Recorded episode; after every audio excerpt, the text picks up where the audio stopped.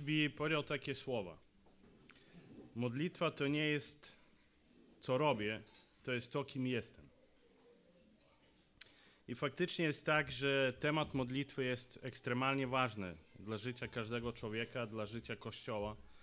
Często jest źle pojmowany, często ludzie nie rozumieją, jak się modlić.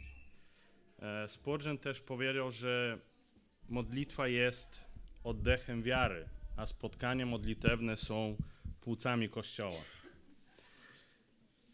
Mo możemy powiedzieć, że modlitwa też pokazuje, jakie jest nasze duchowe życie.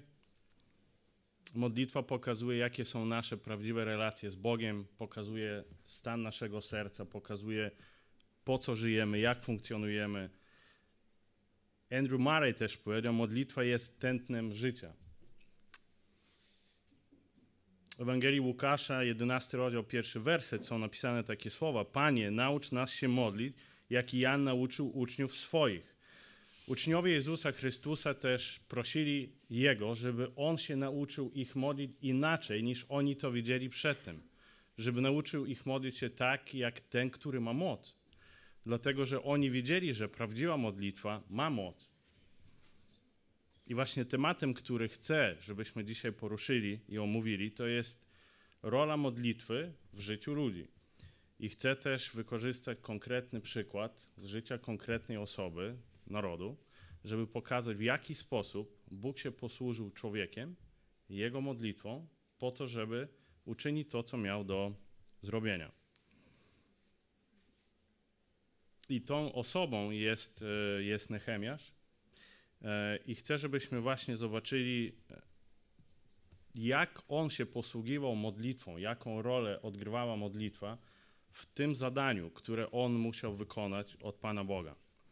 I przypomnijmy sobie kontekst całej, całej historii, która jest z tym związana.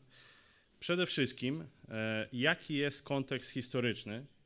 Dalej omówimy, kim był Nehemiasz, e, jaką miał pozycję i też kim był jako człowiek. Ale co jest najważniejsze, chcę się skupić na tym, co możemy się nauczyć, jeżeli chodzi o jego modlitwę i jaką rolę odgrywała modlitwa w jego życiu.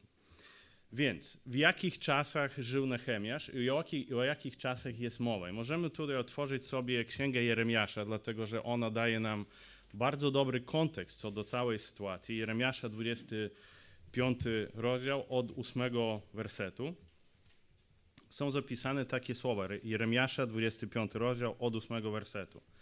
Dlatego tak mówi Pan zastępów, ponieważ nie słuchaliście moich słów – Oto ja poślę i zbiorę wszystkie plemiona z północy, mówi Pan, i poślę po Nebukadnezara, króla babilońskiego, mojego sługę i sprowadzę ich na tę ziemię i na jej mieszkańców i na wszystkie narody dookoła i zniszczę je doszczętnie i uczynię je przedmiotem zgrozy, pośmiewiskiem i hańbą na zawsze. I sprawię, że zamilknie u nich głos radości i głos wesela, głos oblubieńca i głos oblubienicy, ustanie turkot żaren i blask pochodni. I cała ta ziemia stanie się rumowiskiem i pustkowiem.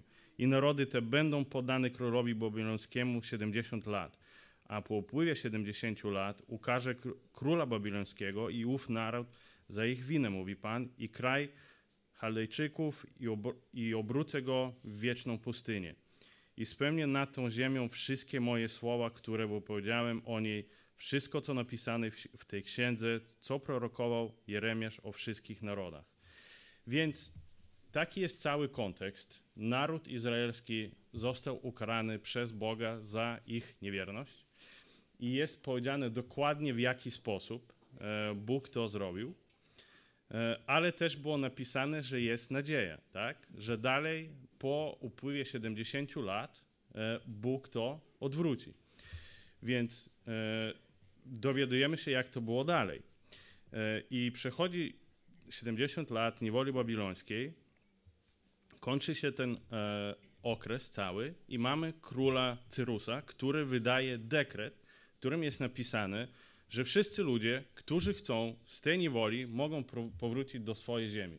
Ciekawe jest to, że na początku Bóg zapowiedział, że jeden król, Nabukadnezar, zrobił to z jego polecenia i jest napisane, że był jego sługą. Dalej się posługi, posługuje innym królem, Cyrusem, który też robi dokładnie to, e, co, co zaplanował Pan Bóg. I to jest to, co było napisane e, w Jeremiasza 25 rozdziale.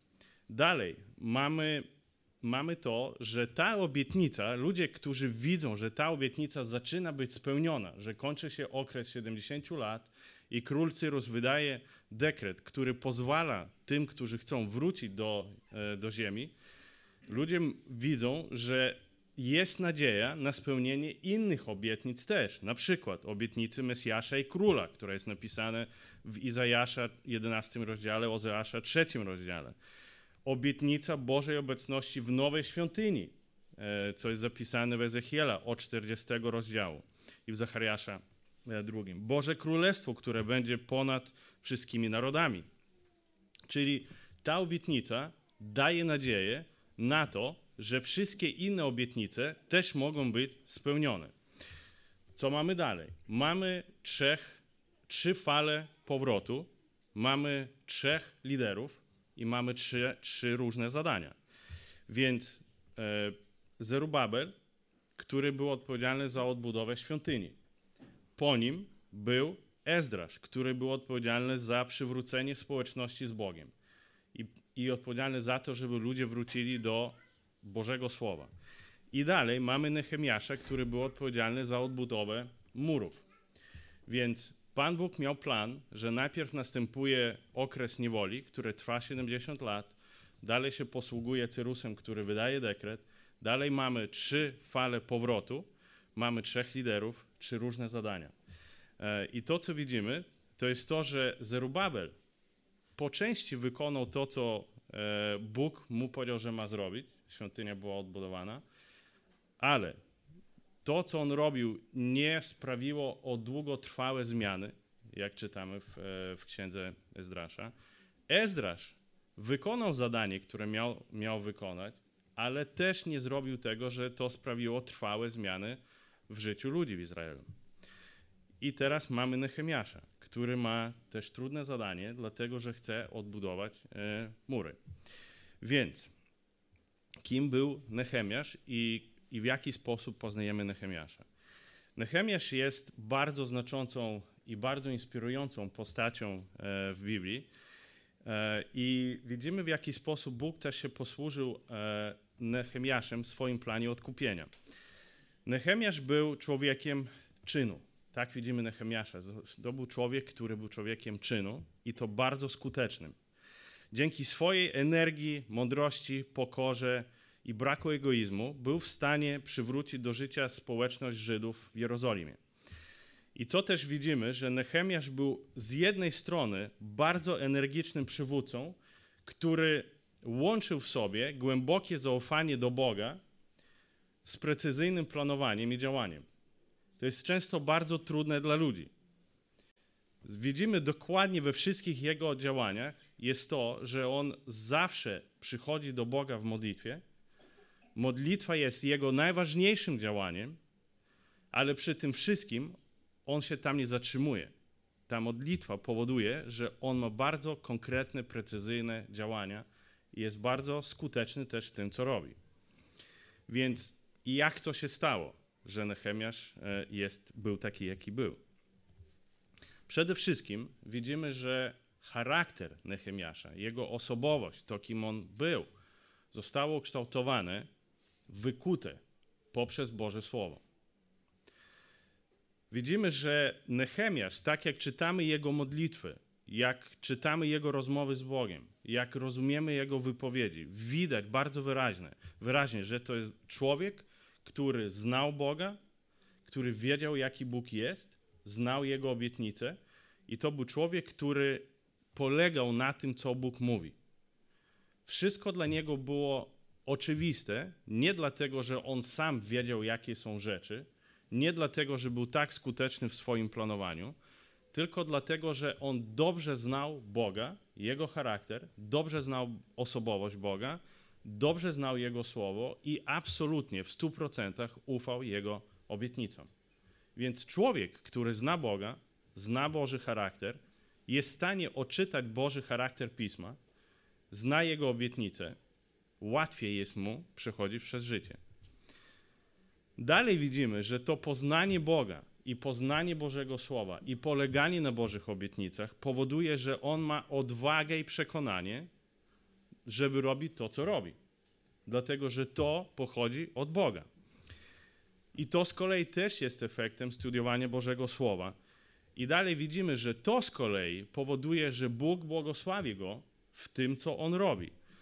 A to z kolei powoduje, że inni ludzie, którzy to widzą, są zainspirowani Bożym działaniem. Tu jest też często ogromna różnica. Nieraz zdarza się obserwować sytuacje, kiedy ludzie w kościołach chcą wykonywać Bożą pracę na swój sposób albo dla swoich motywów jakichś. I za tym nigdy nie idzie Boże błogosławieństwo. Ale jeżeli człowiek chce wykonać Bożą pracę, szukając Bożej chwały i robiąc to w taki sposób, który jest dobry w oczach Boga, za tym idzie Boże błogosławieństwo. I zawsze widać różnicę pomiędzy jednym i drugim. Kiedy Bóg błogosławi, to dotyka serc innych ludzi dookoła też. I oni chcą być częścią tego, co, co robi Bóg. Jakie jeszcze inne fakty e, widzimy tutaj o Nehemiaszu, które są dosyć ważne? Po pierwsze, widzimy też to, że to był człowiek na szczycie swojej kariery. E, I to był człowiek, który zajmował bardzo wysoką pozycję e, w, u boku króla babilońskiego. Niesamowicie ciekawe jest to, że to był Żyd, który był obok króla babilońskiego. Miał tak ogromne zaufanie od króla, że pełnił taką funkcję. Dorastał w Babilonie, prawdopodobnie nigdy nie był w Jerozolimie, ale i też wiemy, że nie wrócił ze Zdraszem, e, kiedy miał taką możliwość. Ludzie się zastanawiają, dlaczego tak jest. Prawdopodobnie był jeszcze zbyt młody. E, ten koniec księgi Ezdrasza i początek Nehemiasza to jest okres około 17-18 lat. Czyli też widzimy pewną różnicę, różnicę wieku. Dalej. Pierwsze nasze spotkanie z Nehemiaszem jest e, w miejscu, które jest nazwane Suza. Jest to cytadela 300 km od Babilonu. I jest to jedna z najstarszych osad e, na naszej planecie. Dalej, e, widzimy, że Nehemiasz jest nam przedstawiony jako po czaszy króla. I jest to bardzo ważne stanowisko. Ciężko jest mi porównać jego stanowisko wtedy do jakiegokolwiek stanowiska, które jest teraz ale wiemy na pewno, że król, królowie zawsze mieli ryzyko, że będą zatruci albo poprzez wino, albo poprzez posiłek. I dlatego podczaszy to był taki człowiek, który przede wszystkim dbał o bezpieczeństwo króla. Czyli on sam musiał być darzony ogromnym zaufaniem e, ze strony króla. I to jest niesamowite, że właśnie widać, że król miał do niego niekwestionowaną lojalność i Y, widział, widział, że jest to człowiek wiarygodny. I teraz, dlaczego tak jest? Do końca nie wiemy, ale wiemy kilka rzeczy, że większość Żydów, nawet podczas niewoli babilońskiej, byli poddani władzy. Widzimy też ten model zachowania, który jest y, napisany w Nowym Testamencie. List do Rzymian, 13 rozdział, pierwszy werset mówi nam tak. Każdy człowiek niech się poddaje władzom zwierzchnim, bo nie ma władzy jak tylko od Boga, a te, które są przez Boga, są ustanowione. Więc widzimy dokładnie taką samą postawę w życiu Nehemiasza. To był człowiek, który był poddany władzy, dlatego że wiedział, że ta władza jest od Boga. Nehemiasz wiedział też, że ta cała niewola jest z ręki Boga. I to, co Bóg uczynił, jest, jest w tej sytuacji najważniejsze. Co jeszcze widzimy dalej w jego, e, w jego życiu?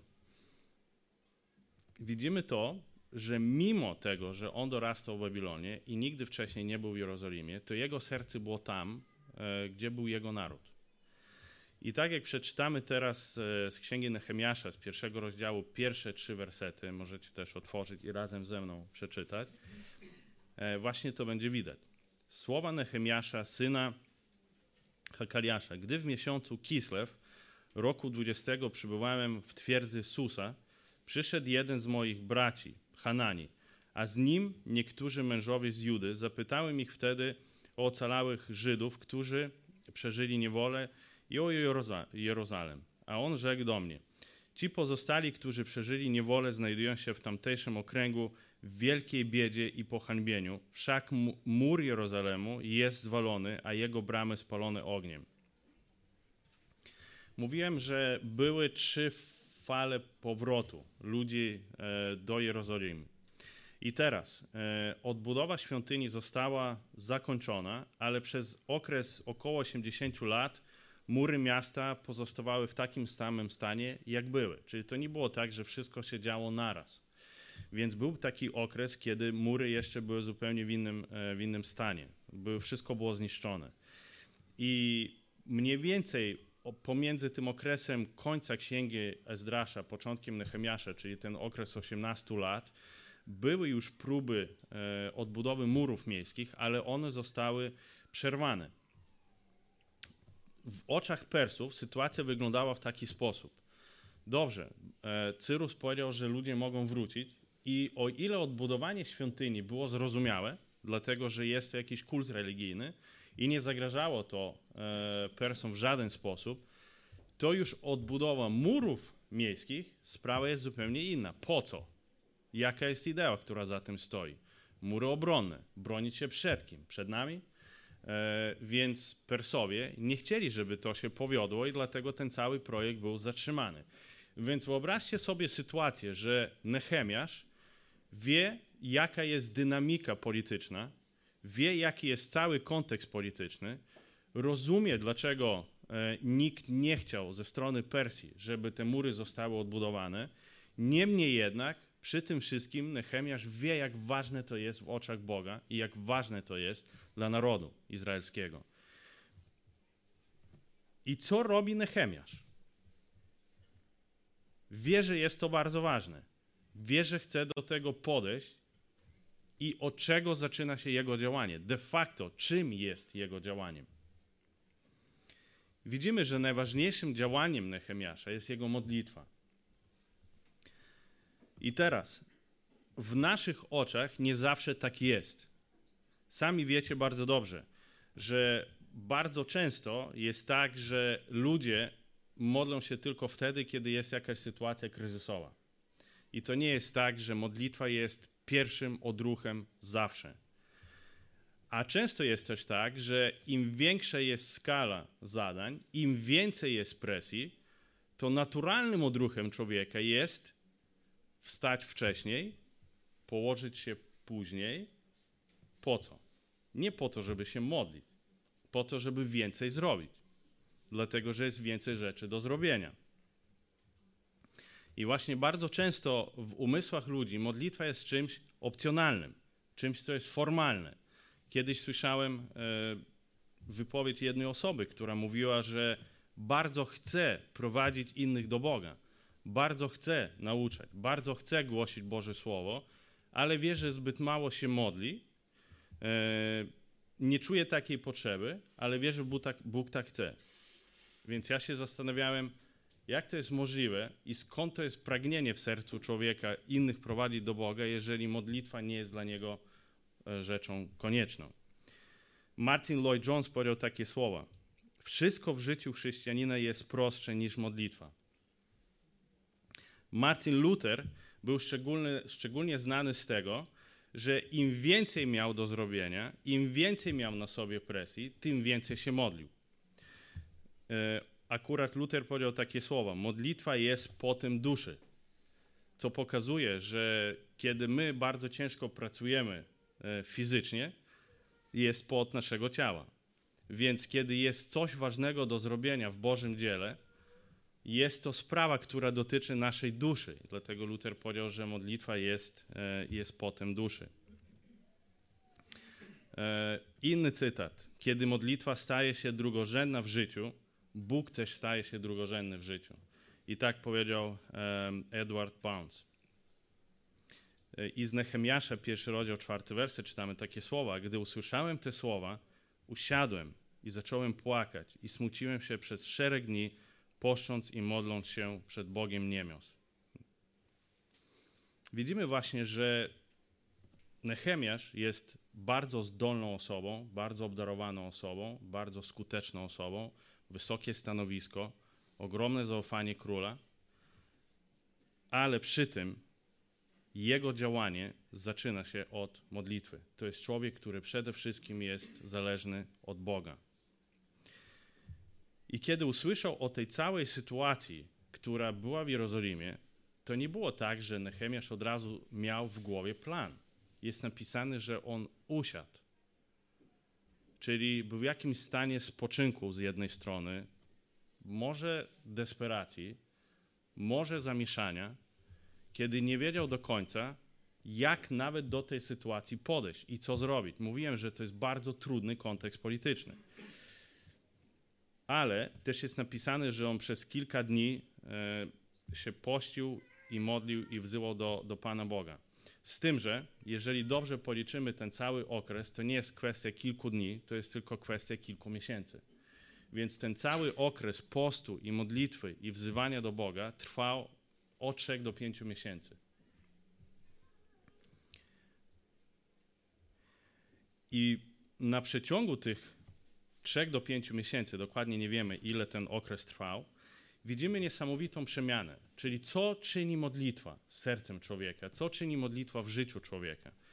Nehemiasz, który nie wiedział do końca jak podejść, rozumiejąc jak trudny jest ten kontekst polityczny i jak ogromna presja i skala zadania jest przed nim, widzimy, że na początku pierwsze co robi modlitwa z nim, to jest to, że on zaczyna widzieć plan.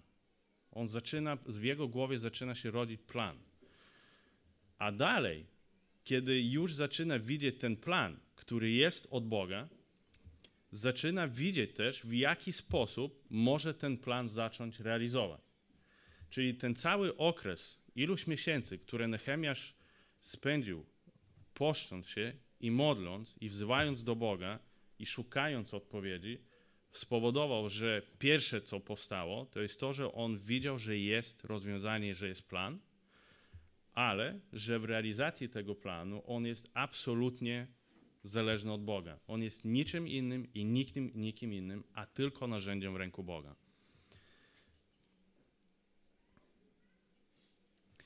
Co jeszcze widzimy? Więc, więc pierwsze, co widzimy w jego życiu, to jest to, że modlitwa jest działaniem. To nie jest tak, że modlitwa jest coś, co jest dodatkowe, a działanie jest najważniejsze, tylko modlitwa jest działaniem.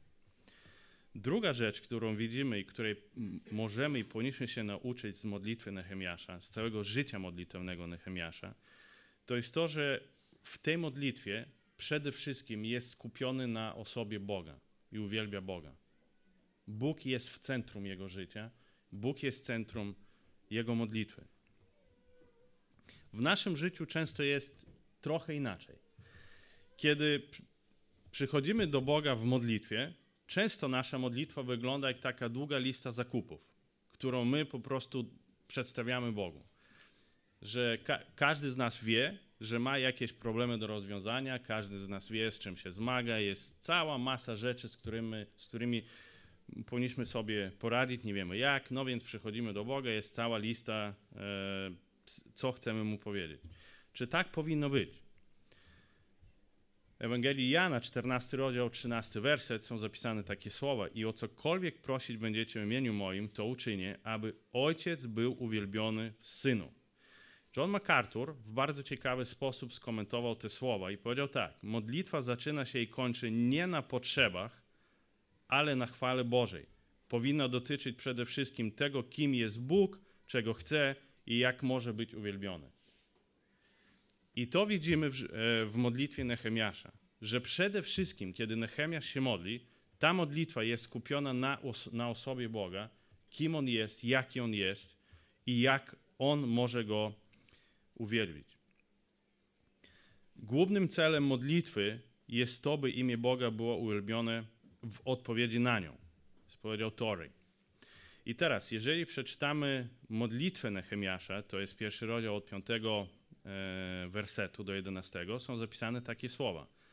Ach, Panie Boże niebios, jesteś Bogiem wielkim i strasznym, który dotrzymuje przymierza i okazuje łaskę tym, co Go miłują i przestrzegają Jego przykazań. Niechaj Twoje ucho będzie uważne, a oczy, a Twoje oczy otworzą się, aby wysłuchać modlitwy Twego sługi, którą ja zanoszę teraz do Ciebie dniem i nocą za synów Izraela, sługi Twoje oraz wyznania grzechów synów izraelskich, którymi zgrzeszyliśmy wobec Ciebie. Także ja i dom mojego ojca zgrzeszyliśmy. Nic nie postąpiliśmy wobec Ciebie, nie przestrzegaliśmy przykazań i ustaw i praw, jakie nadałeś Mojżeszowi, swojemu słudze. Wspomnij na słowo, jakie zaleci, zaleciłeś Mojżeszowi, swojemu słudze, powiadając: Jeżeli wy popełnicie wiarołomstwo, ja poproszę was, rozproszę was pomiędzy ludami. Lecz jeżeli nawrócicie się do mnie i będziecie przestrzegać moich przykazań i spełniać je, to choćby wasi rozproszeni byli na krańcu niebios i stamtąd ich zbiorę i sprowadzę na miejsce, które obrałem na mieszkanie dla mojego imienia. Boć oni są Twoimi sługami i Twoim ludem, który odkropiłeś swoją wielką mocą i potężną swoją ręką. Ach, Panie, niechaj Twoje ucho będzie uważne na modlitwę Twojego sługi i modlitwę Twoich sług, pragnących uczcić Twoje imię. Spraw proszę, aby poszczęściło się dziś Twojemu słudze i okaż mu zmiłowanie wobec tego męża. Byłem bowiem po czaszym królewskim. Więc taka jest modlitwa i bardzo dużo w niej, w niej widać. Przede wszystkim mi się nie wydaje, że to jest po prostu jedna modlitwa, że Nehemiasz po prostu tak się pomodlił i już w trakcie tej modlitwy miał plan i wiedział, co zrobić. Tak jak mówiłem, że ten cały okres trwał kilka miesięcy. Więc można by powiedzieć, że to jest modlitwa, która podsumowuje wszystko, przez co przeszedł Nehemiasz przez ten cały okres. I widzimy, że w centrum tej modlitwy jest osoba Boga.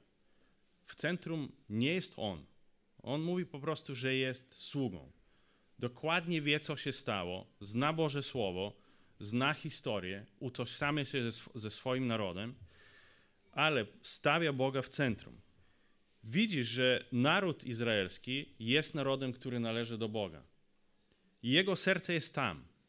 I on wie, że to nie jest dobre, że naród jest w takim stanie, że miasto wygląda w taki sposób. Tak samo jak każdy człowiek, który ma pasję do Bożego dzieła dzisiaj, nie może być neutralny i nieczuły w stosunku do tego, w jakim stanie są serca ludzi wierzących, w jakim stanie jest Kościół. Każdy człowiek, który zna Boga, kocha Boga i wie, co, gdzie jest Boże serce, jego serce też będzie tam. I dokładnie to widzimy w życiu e, i w modlitwie Nehemiasza. Widzimy też, że on cały czas wymienia, jaki Bóg jest. Się zwraca do niego jako do Boga niebios. On mówi, że Bóg jest wielki. On mówi, że Bóg jest niesamowity. On mówi, że Bóg jest tym, kto dotrzymuje swojego przymierza. Czyli widzimy dokładnie, że to nie jest tak, że Nehemiasz zgaduje, jaki Bóg jest. Może zrobi, nie zrobi. Może to jest jego wolą, może nie jest. Może tak uczyni, może tak nie uczyni. Może to, co jest napisane w piśmie, w piśmie jest prawdą, może nie jest. Nie. Wszystko, co jest napisane w Biblii dla, Nechem, dla Nehemiasza jest absolutną prawdą. Bóg jest taki, jak On o sobie mówi w Jego Słowie i dlatego każda Boża obietnica dla Nehemiasza jest faktem, stuprocentowym faktem. John Bunyan powiedział takie słowa: Modlitwa jest prawdziwa tylko wtedy, gdy jest zgodna z Bożym Słowem. Dlatego jest bardzo ważne dla nas, żebyśmy znali Boga tak, jak On jest przedstawiony w Biblii, jak On sam o sobie mówi w swoim słowie, i żebyśmy znali Jego słowo. Dlatego to będzie pokazane w naszej modlitwie. Im lepiej znamy Boga, im lepiej znamy Jego słowo, tym bardziej będzie to widoczne w naszej modlitwie i tym bardziej ta modlitwa będzie dobra w oczach Boga. Z listu do Hebrajczyków, 13 rozdział, 8, 8 werset, możemy przeczytać takie słowa. Że my powinniśmy się skupiać na Jezusie Chrystusie, który jest i dziś ten sam i na wieki. Czyli Bóg, Jezus Chrystus, Jego Słowo jest niezmienne. Zawsze jest takie same. Psalmista też powiedział, psalm 121, pierwsze dwa wersety. Oczy, mo, oczy moje wznoszę ku górom, skąd nadejdzie mi pomoc. pomoc moja jest od Pana, który uczynił niebo i ziemię. Dokładnie to widzimy w postawie Nehemiasza. Wie, co jest nie tak, wie, dlaczego to jest nie tak, jego serce boli, utożsamia się z tym, ale on nie jest rozwiązaniem. To nie jest jego inteligencja, to nie jest jego pozycja w państwie, to nie są jego kontakty, tylko pomoc przyjdzie od Pana. A dlaczego wie, że przyjdzie? Dlatego, że Bóg to powiedział, że tak będzie.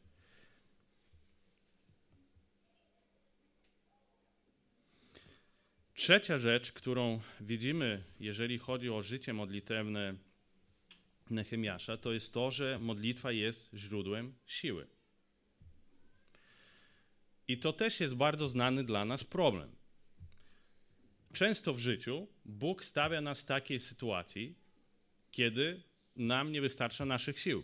Po prostu są rzeczy, które nas przerastają.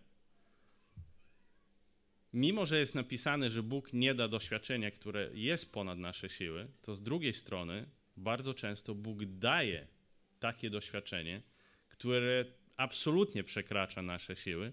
Po co? Po to, żeby każdy z nas zechciał być podłączonym do źródła siły i mocy, która jest nieograniczona i nieskończona. Więc to jest celowe, co robi Bóg, że On stawia nas często w takiej sytuacji i daje takie zadanie do wykonania, które jest niemożliwe do wykonania, będąc tylko człowiekiem. Tylko Bóg może to zrobić i dlatego my jesteśmy od Niego absolutnie zależni. I teraz e, szósty rozdział Księgi Nehemiasza opowiada historię, gdzie przez już kilka razy, właśnie wykonując ten cały plan, Nehemiasz, po pierwsze, e, jak, jak dobrze wiecie, on musiał przekonać króla, żeby król w ogóle na to się zgodził. I też powiedział, że prosił Boga, żeby Bóg to umożliwił. Dalej, kiedy miał swój plan, który chciał wykonać, cały czas prosił Boga o to, żeby na każdym kroku, w każdym jednym elemencie, żeby Bóg błogosławił i żeby Bóg to czynił. Czyli widzimy, że on dokładnie też wiedział, co jest mu potrzebne do wykonania tego planu. Kiedy przyjdzie na miejsce, co tam będzie, czego nie, nie będzie. Wiedział też, że będzie musiał, nie zrobi tego sam. On potrzebuje ludzi, więc też polegał na tym, że Bóg uczyni, że serca tych, którzy będą chcieli pomóc, będą potrzebni do tej pomocy, e, będą skłonione do tego, żeby poświęcić też swój czas, swoje siły, środki, żeby, żeby to robić. Ale to nie było tak, że ta cała praca przechodziła w sposób gładki. Bardzo mylną rzeczą jest tak, że ludziom się wydaje, jeżeli coś jest od Boga, to jest to po prostu proste do wykonania, gładkie, bez problemu, bez trudu. Tak nie jest. Nie możemy zapominać, że istnieje szatan, który zawsze jest w opozycji do każdej Bożej pracy. I tutaj jest tak samo. Nehemiasz wykonywał pracę, która była ewidentnie od Boga, robił zadanie, które było ewidentnie zlecone przez Boga, ale miał też ogrom opozycji. I e, mamy taką sytuację, że przez, od, przez kilka różnych e, od, przez kilka różnych sytuacji, dokładnie 4-5 razy, ludzie podstępem wy, wywierali na nim presję, żeby ta cała praca była przerwana. Więc możemy przeczytać e, Nehemiasza, szósty rozdział, od piątego wersetu. Po raz piąty w ten sam sposób przyszedł, przysłał do mnie Sanbalat swojego sługę z listem otwartym w ręku – a było w nim napisane tak: Wśród pogan rozeszła się wieść, i, i, a zwłaszcza Geszem, to rozpowiada, że ty i Żydzi zamyślacie zbuntować się i dlatego odbudowujesz mur. Ty zaś zamierzasz zostać ich królem, jak głoszą te wieści. A nawet proroków ustanowiłeś, którzy mają głosić o tobie w Jerozolimie. Jest w Judei król. Otóż jest o tym niechybnie dobrze do króla, przeto Otóż wieść o tym niechybnie dotrze do króla, przeto e, zejdźmy się razem na naradę. Wtedy ja słyszałem od niego taką odpowiedź. Nic z tego wszystkiego, co mówisz, nie, nie, za, nie, nie zaszło, ale sam to wszystko zmyśliłeś. Wszyscy oni bowiem straszyli nas, myśląc o nas, braknie im sił do dalszej pracy i nie, zostawi, nie zostanie ona wykonana. To, to też jeszcze bardziej się do niej przyłożyłem. Więc mamy taką sytuację, że Nehemiasz e, przechodził przez próby z każdej strony, żeby ta praca była niewykonana. Byli ludzie, którzy podstępny sposób, na różne sposoby chcieli uczynić to, że on zrezygnuje, że się przestraszy. Prawdopodobnie mieli też jakieś próby zabójstwa Nehemiasza. Więc taka skala jest sprzeciwu szatana, jeżeli chodzi o wykonanie Bożej, Bożej pracy. Ale znowu, co widzimy w postawie Nehemiasza cały czas? Nehemiasz widać, że on ma nierozerwalne relacje z Bogiem, z Jego Słowem. I cały czas przebyła w tym stanie modlitwy. Nawet była taka sytuacja, kiedy on poszedł do króla i kiedy król spytał się o jego stan, dlaczego on jest zasmucony, było widać, że to nie jest tak, że on miał długi moment gdzieś w ukryciu, żeby się pomodlić, tylko pomodlił się. To był po prostu chwila, moment, niezauważany dla nikogo, ale dla nas bardzo znacząca, która pokazuje, że w każdym jednym kroku Nehemiasz cały czas szuka twarzy Boga, że on jest zawsze od niego zależny. Czy to jest konstruowanie tak ogromnego planu, jak odbudowanie mura, murów, czy to jest kwestia przekonania króla, który może nie być przychylny, czy też nawet danie prostej odpowiedzi w prostej sytuacji. Zawsze jego oczy są skierowane do Boga. I tutaj widzimy dokładnie tak samo. Jest opozycja, może się wydawać, że komuś zabraknie sił. I ci, co wywierali na nim presję, mieli taką nadzieję, że teraz się przestraszy, albo przestraszą wszystkich innych, którzy pracują razem z nim. Co robi Nehemiasz? Widzimy, że on się modli, szuka Bożego oblicza i dalej robi swoje. Po prostu modlitwa jest tym źródłem mocy i daje mu przekonanie w tym, że to, co on robi, jest od Boga. I jeżeli to jest od Boga, to Bóg to uczyni. To nie będzie tak, że on ma się martwić, jak to się stanie. Bóg uczyni, że to będzie możliwe. I rzekł do nich: idźcie, najecie się tłustego jadła i napicie się słodkich napojów. Udzielcie też tym, którzy nic nie przygotowywali, gdyż dzień dzisiejszy jest poświęcony naszemu Panu. Nie smucie się, wszak radość z Pana jest waszą ostoją. Czyli widzimy, że on, on się skupia w tym na Panu Bogu że źródłem Jego mocy jest Bóg. Tutaj jest napisane, że radość z Pana jest waszą ostoją. Inaczej można powiedzieć, że jest waszą mocą, źródłem waszej mocy. Czyli we wszystkim idźcie, róbcie i pamiętajcie, że wasza radość, źródło waszej mocy, wszystko co robicie jest od, jest od Pana.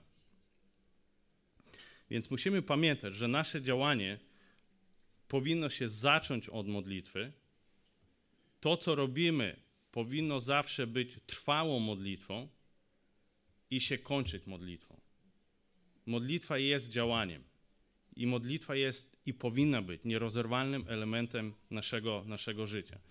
Co jeszcze widzimy, jeżeli chodzi o modlitwę Nehemiasza? Modlitwa powinna być stała i usilna.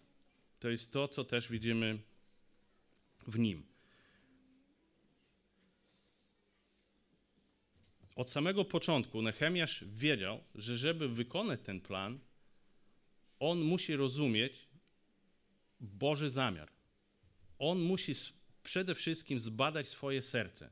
Musi się uspokoić w Bogu, musi zrozumieć całą sytuację, musi spędzić czas z Bożym Słowem w modlitwie, dlatego że jego serce jest wtedy nastrojone na Boga. Więc ten, to jest bardzo ważne. I dlatego ta modlitwa jest stała. I widzimy też, w jaki sposób on się modlił od samego początku.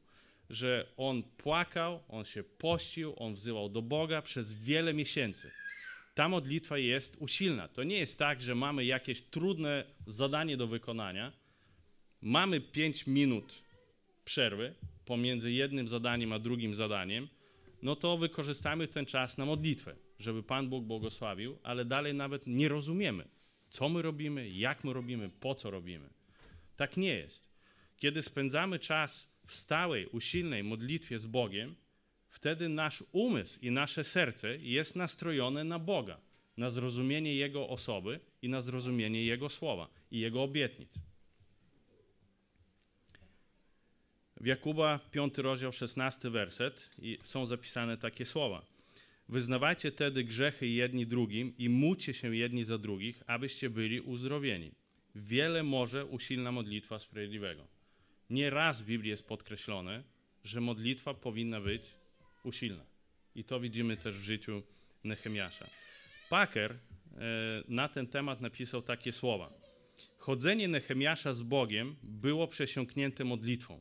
I to modlitwa, i to modlitwą najprawdziwszą i najczystszą, mianowicie taką, która zawsze stara się zrozumieć, kim i czym jest Bóg, i w nieustannej adoracji uwielbiać Go za to, kim jest, i kształtować w Jego obecności myślenie o potrzebach i prośbach, z jakimi się do Niego zwraca, tak aby one wyrażały takie myśli jak święcię imię Twoje, bądź wola Twoja, albowiem Twoje jest królestwo, moc i chwała.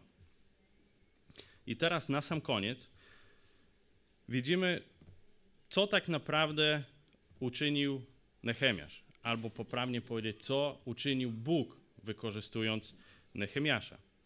Zadanie było bardzo trudne do wykonania, ale misja, która była praktycznie niemożliwa do wykonania, była udana w wielu aspektach. Czyli na początku było tak, że świątynia była odbudowana, na jakiś okres ludzie przywróci, przy, byli przywróceni do społeczności z Bogiem, z Jego Słowem, były złożone obietnice, mury Jerozolimy są odbudowane. I to wszystko się stało, widzimy, dzięki temu, że różni ludzie, trzech liderów w różnych okresach, cały czas polegali w modlitwie na tym, co Bóg miał do nich, jeżeli chodzi o wykonanie tego zadania. I ważne też jest to, że to wszystko, akurat wybudowanie tych murów, stało się w 52 dni. To jest bardzo, bardzo szybki e, proces. Coś, co przez e, bardzo długi okres było zniszczone. Jeżeli Bóg zechciał odbudować to szybko, to On miał sposób to, e, to uczynić. Ale jedna rzecz, która też jest ważna, to jest na sam koniec chcę powiedzieć, że jest coś, czego ani Zerubabel, ani Ezdrasz, ani Niechemiasz nie byli w stanie uczynić. Jeden spowodował, że świątynia była odbudowana, drugi na jakiś okres ludzie byli przywróceni do społeczności z Bogiem, z Jego Słowem. Mury Jerozolimy są odbudowane, ale każda z tych historii kończy się tak, że ludzie wracają do tego stanu, w którym byli. Dlaczego? Dlatego, że żaden z nich nie był w stanie zmienić czegoś, co jest najważniejsze do zmiany serce. I dlatego te wszystkie historie, one z jednej strony pokazują, jak wiele może uczynić Bóg, wykorzystując pobożnych ludzi, którzy na nim polegają, to jednak do rozwiązania najważniejszego problemu ludzkości, ludzkiego serca, był potrzebny sam Bóg Jezus Chrystus. Amen.